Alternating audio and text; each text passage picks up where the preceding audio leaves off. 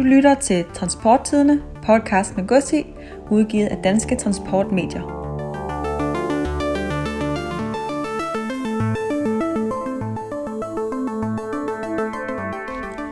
Mit DT Media er platformen, hvor du samler din markedsføring et sted. Publicer artikler på transporttidene.com og lastbilmagasinet.dk. Del dine artikler på din Facebook-side og link til din egen hjemmeside – få en uforpligtet snak med salgskonsulent Henrik Christensen på 43 58 45 41.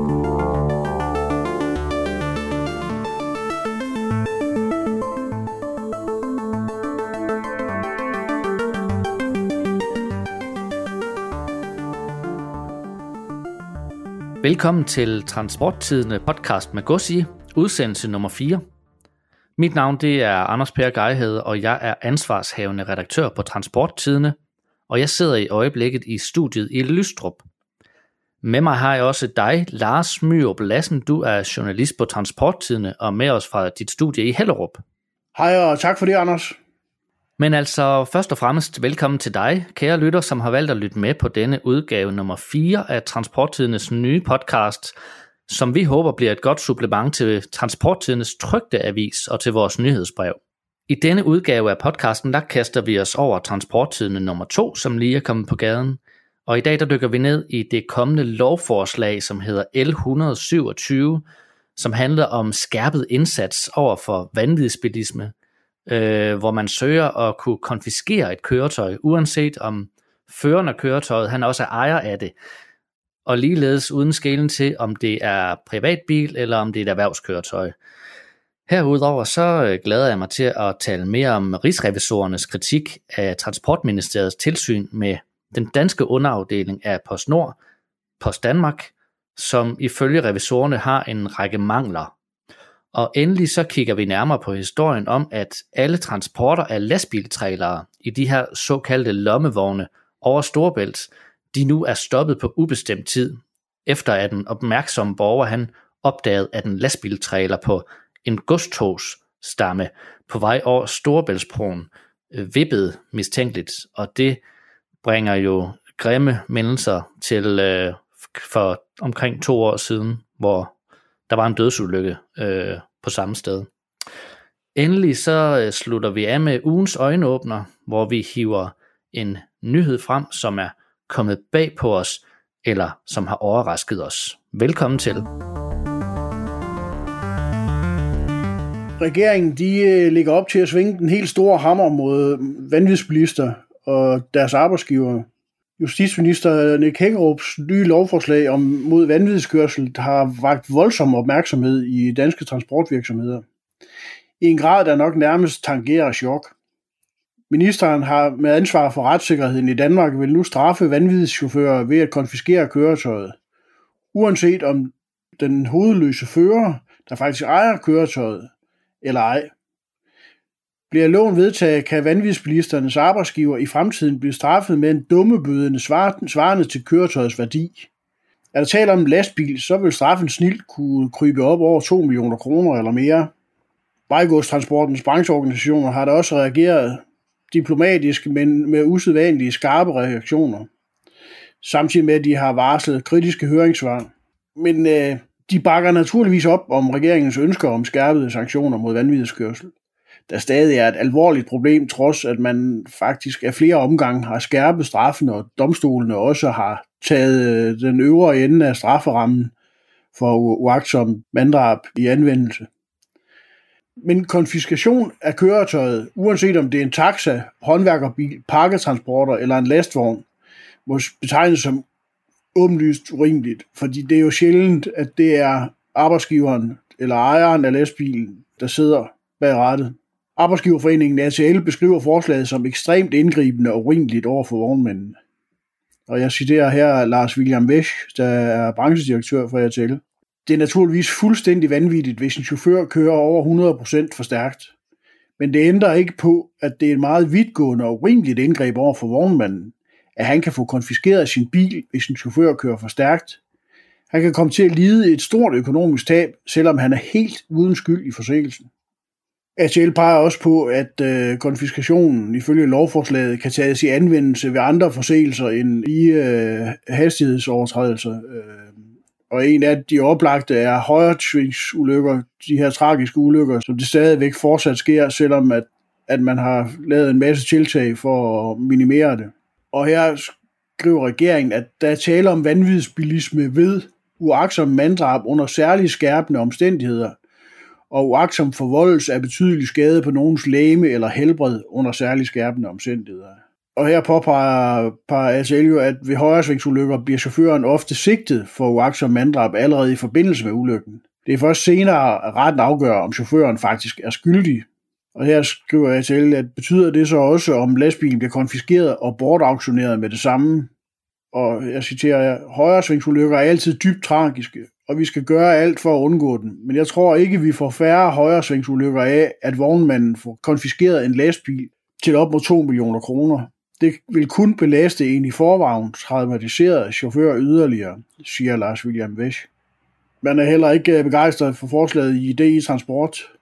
Det er selvfølgelig helt på sin plads at skride ind med strenge straffe mod vanvidsbilisme, herunder at bilen straks bliver taget fra føreren af bilen. Derfor bakker vi også op om store dele af regeringens udspil, der blandt andet vil indføre strenge straffe til disse bilister, der ikke har respekt for andre i trafikken, siger branchedirektør Michael Svane fra Dansk Industri. Men det ændrer ifølge direktøren ikke på, at det er en meget vidtgående og urimeligt indgreb, regeringen spiller ud med, når det gælder konfiskationen af bilen, når føreren og ejeren ikke er den samme person. Vi må ikke give køb på et af de mest afgørende principper i vores samfund, nemlig at vi ikke straffer borgere for en forbrydelse, en anden har begået, siger Michael Svane. Han kritiserer her argumentet om, at bilens ejer bare kan søge erstatning hos chaufføren for tabet af det konfiskerede køretøj og påpeger, at chaufføren jo typisk vil blive sendt i fængsel og derfor ikke har nogen reel betalingsevne. ITD har også kritiseret forslaget, som de mener er et brud på fundamentale retsprincipper. Vi er på ingen måde uenige i hensigten med loven, men her er man trukket transportbranchen og de store lastbiler med ind i lovgivningen, uden at gennemtænke konsekvenserne. Lovforslaget går for langt i bestræbelserne på at komme vanvidsbilisterne til livs. Det er ikke rimeligt, at en vognmand risikerer at miste måske hele sin forretning, fordi en anden person opfører sig vanvittigt. Det bør lovgivningen tage højde for, og det vil ITD gøre klart i sit høringssvar, siger Karina Christensen, der er administrerende direktør i ITD. Lars, det her L127, det lyder faktisk umiddelbart øh, enormt indgribende. Hvad, hvad tror du, at øh, det her lovforslag, især hvis det bliver gennemført, hvad vil det komme til at betyde for forholdet mellem, mellem arbejdsgiver, altså for eksempel en vognmand, og så hans chauffør? Det er svært at gætte på, hvad det her konkret udmunder i. Man kunne godt for eksempel forestille sig, at på længere sigt, at så vil flådestyringssystemer blive udrustet med en, en kombination af GPS og et register over de lokale hastighedsgrænser, og så en alarm, hvis chaufføren kører for stærkt. Men på kort sigt, så er der nok en konsekvens, som vi ikke kommer udenom, nemlig at øh, unge mænd, og det kan vi ikke komme udenom, det er primært dem, der træder for hårdt på speederen, de vil få meget svært ved at finde arbejde som chauffør der er simpelthen ikke nogen vognmand, der vil turde ansætte en øh, 18, 19, 23-årig ung mand. Det er da simpelthen for stor en dumme bøde, der lurer. Ja, og det kan vel ikke ligefrem være, være hensigt med sådan et lovforslag, som i, som i forvejen har behov for unge chauffører og unge mennesker, som har lyst til at blive chauffører. Altså, jeg har, jeg har svært ved at, at, at, at se det som socialdemokratisk kernepolitik, at man, øh, man gør det sværere for unge mennesker at komme ud i verden, ikke? og det er jo så ovenikøbet mange af dem, der, der vælger en karriere i transportbranchen bag rettet, har jo ofte problemer med ordblindhed for eksempel, og, og er derfor ikke dem, der sådan har, har lettest ved at vælge frit fra alle hylder i, øh, i uddannelsessystemet. Og så går det jo selvfølgelig også ud over transportbranchen, som jo har svært ved at finde chauffører, som du nævner. Ja, altså når jeg kigger tilbage på det sidste år til halvanden, så kan jeg da huske, der har været flere sager om vanvidsbilisme, som man må formode ligger til grund for det her lovforslag. Øh, blandt andet så døde en politimand jo på Langebro i København øh, for et stykke tid siden i forbindelse med en øh, biljagt øh, på en formodet vanvidsbilist. Og ofte der har debatten jo drejet sig om, at de her vanvidsbilister, de kører i leasede muskelbiler, og at retvæsen, retsvæsenet de simpelthen ikke har, har hjemmel til at beslaglægge de her køretøjer fra, fra leasingselskaberne. Øh, og det forstår man jo godt, at lovgiverne de vil gøre noget ved, men, men det, det er jo privatbilisme, så hvorfor har de også inddraget erhvervskøretøjer i det her lovforslag? Det er sådan, jeg tror, der er nogle, nogle juridiske knuder, som ligger bagved, at man har taget det her skridt. Jeg, jeg tror først og fremmest, det handler om, at man netop går efter de her unge mænd med en, en ringe evne til at vurdere konsekvenserne af deres handlinger, for nu at sige det pænt, som, som kører rundt i leasede biler. Men, og kriminelle fylder faktisk uforholdsmæssigt meget i, øh, i årsagerne til alvorlige trafikulykker.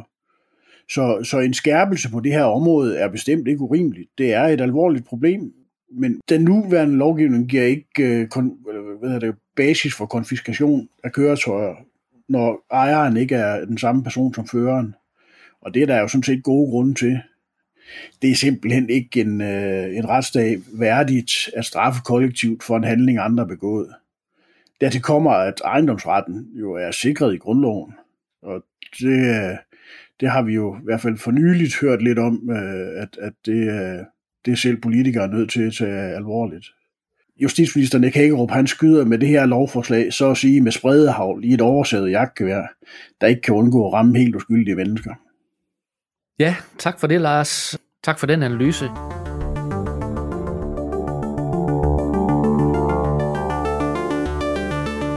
Jeg vil øh, nu kaste mig over øh, det næste emne i øh, podcasten, nemlig den kritik, som har lyttet fra rigsrevisionerne af PostNord-tilsynet foretaget af Transportministeriet.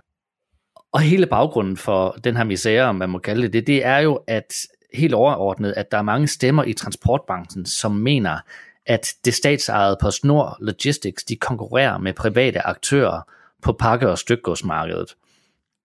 Og konkurrence, det er jo selvfølgelig en god ting, øh, bare ikke når en af konkurrenterne de får øh, statsstøtte. Folketingets statsrevisorer de afgav øh, i fredags den 15. januar beretning om det statsejede PostNords øh, regnskabspraksis. De havde bedt Rigsrevisionen om at undersøge, hvordan PostNords danske underafdeling Post Danmark de har fordelt fællesomkostninger på befordringspligtige og ikke befordringspligtige produkter og tjenester, som det lyder, og om denne her fordeling, den har været i overensstemmelse med gældende regler, øh, samt om der er foregået krydssubsidiering. Statsrevisorerne de konkluderer, at øh, Transportministeriet de ikke i tilstrækkelig grad har efterspurgt viden om, hvorvidt Post Danmarks fordeling af fællesomkostninger og prissætning, den er i overensstemmelse med lovgivningen. Og der er heller ikke indhentet nok viden om, hvorvidt krydssubsidiering er fundet sted, lyder det.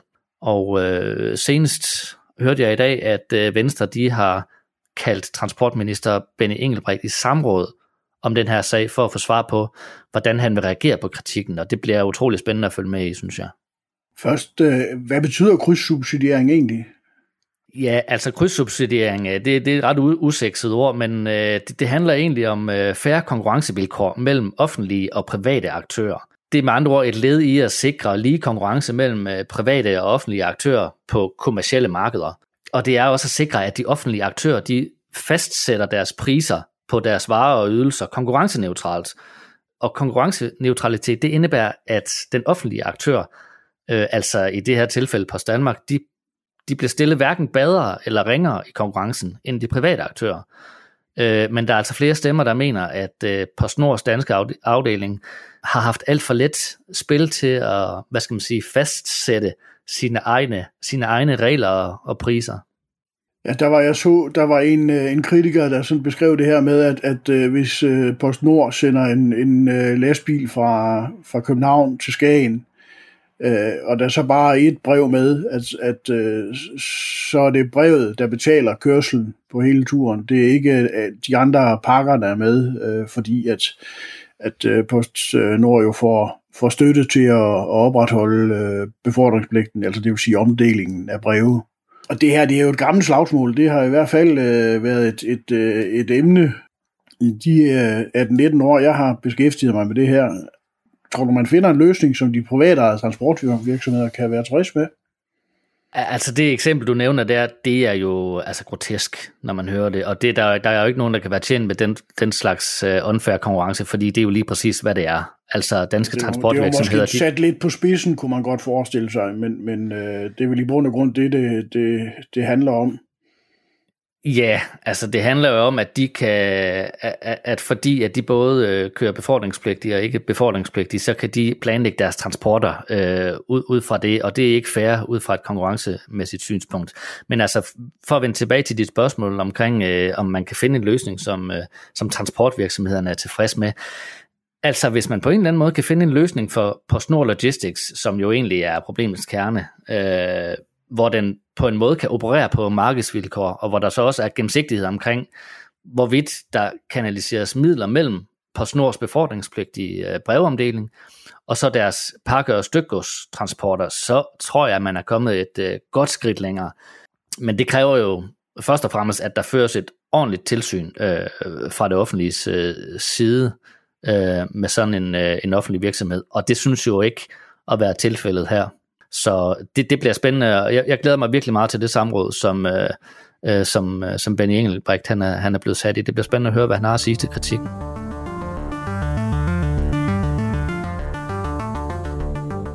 Transporttidene er erhvervsmediet, der dækker de nationale og internationale transport- og logistikkæder til lands, til vands, i luften og på varelærerne. Vi brænder for at fortælle om de virksomheder, der opbygger, driver og leder effektive forsyningskæder – herunder også branchens rammevilkår inden for uddannelse, infrastruktur, miljø, jura og politik. Køb dit årsabonnement til Transporttidens trygte avis eller som e-avis. Kontakt os på 70 250 350. Ja, og så har vi jo så øh, den her lille øh, forskrækkelse, som, øh, som vi fik øh, på Storebæltsforbindelsen her i, øh, forleden, nemlig hvor at... Ja, den øh, bragte nogle øh, grimme mindelser tilbage til, øh, til for to år siden. Kan, kan du selv huske øh, episoden? Ja, vi har nærmest lige øh, startet på arbejde igen efter nytår. Sådan, jeg, jeg tror, jeg tror at, at vi plejer at starte dagen med at, at lave vores nyhedsbrev, og jeg tror, at da jeg først blev opmærksom på, på den her historie, alvorlige ulykke, ikke, som jo kostede otte mennesker livet, at så blev resten af den arbejdsdag ikke rigtig normal. Så man må sige, at det var den helt store advarselslampe, der blinkede forleden, da der var en lastvognstrailer på Carlsbergtoget mellem København og Fredericia, der vippede betænkeligt øh, under passage af Storebæltsbroen. Ligesom ved ulykken i, i øh, januar 2019, så blæste det kraftigt, og toget havde sænket hastigheden til, til 80 km i timen. Og så er der så den her opmærksom bilist, der slår alarm til politiet i Nyborg, der får stanset toget. Øh, Havarikommissionen de undersøger nu hændelsen, og umiddelbart har den her, jo, som du siger, forroligende ligheder med, med togulykke i januar 2019, som også, øh, hvor der var 18, der blev kvæstet, ud over de 8, der mistede livet. De her lastvognstrailer, som bliver, bliver kørt på en togstamme øh, mellem øh, Carlsbergs Bryggeri i Fredericia og, og København, de, øh, de bliver jo læst ombord på specielle togvogne, godstogvogne, som man kalder lommevogne, hvor at de øh, så bliver bendt fast i, i lommevognen i den kongetap, der sidder på traileren, altså den bold, som, som traileren hænger i på sættevognstrækkeren. Normalt, når den kører på, på landevejen. Men øh, den svigtede der var ulykken i 2019, og den har også øh, svigtet den her gang.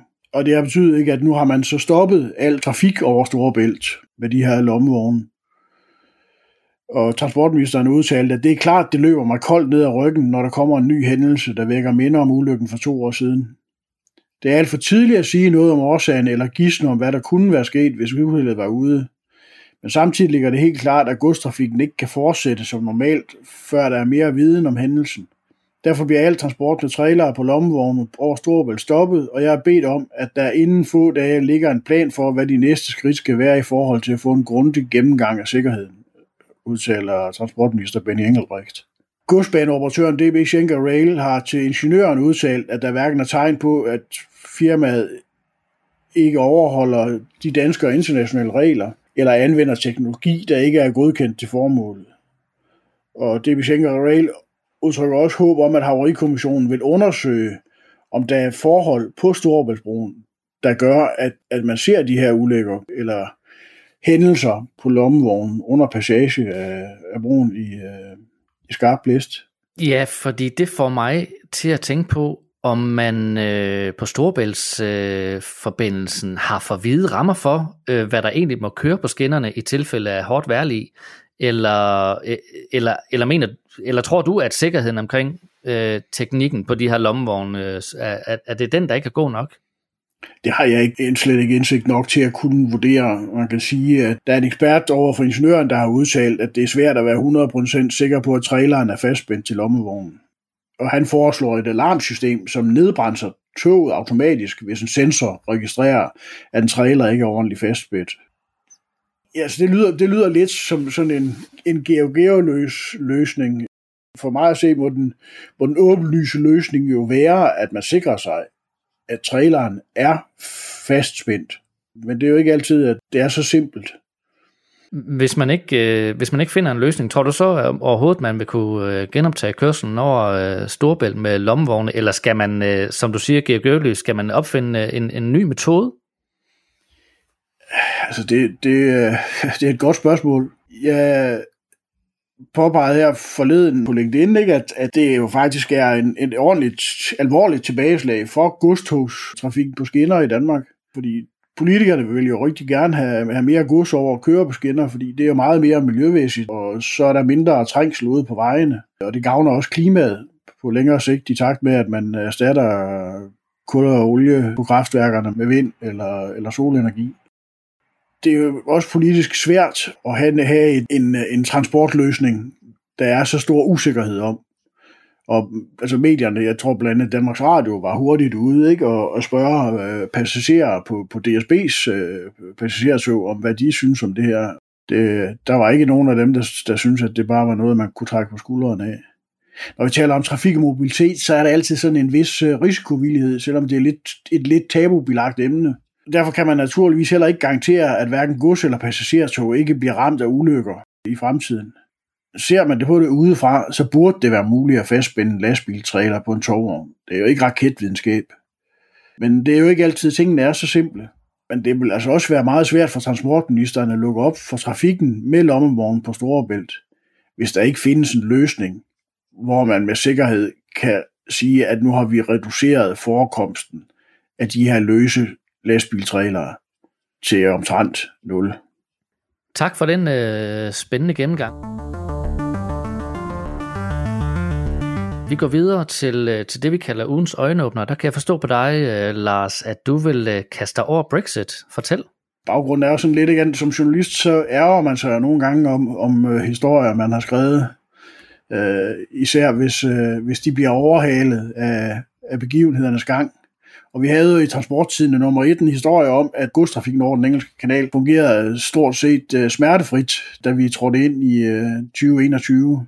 Det har så vist sig, at det nok øh, var rigeligt optimistisk. Vi havde øh, Stenalregn og tunnelselskabet Getlink, der havde sendt pressemeddelelser ud om, at det faktisk led sådan nogenlunde problemfrit. Der var nogle enkelte, der ikke havde orden i tolvpapirerne. Men øh, den boble, den er der godt og grundigt prikket hul på. Selvom Storbritannien og EU indgik en handelsaftale lige før jul, så volder tolvbehandlingen åbenbart øh, omfattende problemer. Godstrafikken mellem EU og Storbritannien er mærkbart generet, fordi der er hyppige fejl i tolvangivelser. Faktisk har problemerne været så store, at DB Schenker og DPD kortveje har måttet indstille fragt ind og ud af UK Britiske medier bringer også et stigende antal historier om britiske virksomheder, der er kommet i klemme, når de eksporterer til EU. Det er ikke bare små virksomheder. Det er også store fiskeeksportører, der har svært ved at få deres varer sendt ud til, til markederne i EU, inden at øh, de bliver indhentet af lugt. En øh, væsentlig kilde til problemerne er tredjelandserklæringer, hvor varerne helt eller delvist er importeret fra oprindelseslande. Og taler vi fisk for eksempel, så er det jo, hvis det er, er fisk, der er landet af trawlere fra for eksempel Rusland eller Norge, eller Færøerne, som jo ikke er, er med i EU. Når man tænker på, hvor lang tid myndigheder og virksomheder har haft til at forberede Brexit, så er det nok for nogen en stor overraskelse, at det volder så store problemer. Omvendt så må vi sige, at andre, der er fuldt forberedelserne, vil nok være lettet over, at det ikke er værre. Det er helt sikkert, at det, der er nok er mange britter, der vil være lidt skuffet over, at den her nyvundne friheds praktiske konsekvenser, selvom øh, Boris Johnsons regering har travlt med at indgå handelsaftaler med lande uden for EU. Ja, Tak skal du have, Lassen. Øh, selvom vi jo nogle gange øh, føler, at vi kan, vi kan, vi kan flyve øh, lidt i den her branche, så kan vi jo ikke øh, gå på vandet, og nogle gange så kan virkeligheden øh, indhente øh, selv øh, de dygtigste journalister. Så det er jo fint, vi har lige har fået øh, den her opdatering på situationen det er vist en underdrivelse at sige, at det er nogle gange. Det er jo, det er jo en, en erhvervsbetingelse, at øh, verden står ikke stille. Når tryksverden den er, er tør, så er der allerede sket, sket en masse ude i virkeligheden. Men altså øh, med øh, den øh, selverkendelse, kan man sige her fra vores øh, side om øh, virkelighedens gang, der øh, runder vi så af for den her øh, udgave af Transporttidene podcast med gods i nummer 4. Øh, vi er som sædvanligt tilbage igen i æderen i dine øh, højtaler om to uger. Husk også at kaste et blik på transporttidene.com og tilmelde dig vores øh, daglige nyhedsbrev, som alle hverdage giver dig et overblik over de vigtigste nationale og internationale transport- og logistiknyheder. Mit navn det er Anders Per Geihede. Og jeg hedder Lars Myrup Lassen. Den her podcast den er produceret af vores øh, dygtige kollega nede i Skanderborg, som hedder Stine Massides øh, Pilgaard, på vegne af Danske Transportmedier. Skriv til os, hvis du har forslag til emner, som vi kan tage op i podcasten, og spred endelig budskabet om transportbranchens nyeste podcast. Husk også at anmelde os på iTunes. Tak fordi du lyttede med. Du lyttede til Transporttidene, podcast med Gussi, udgivet af Danske Transportmedier.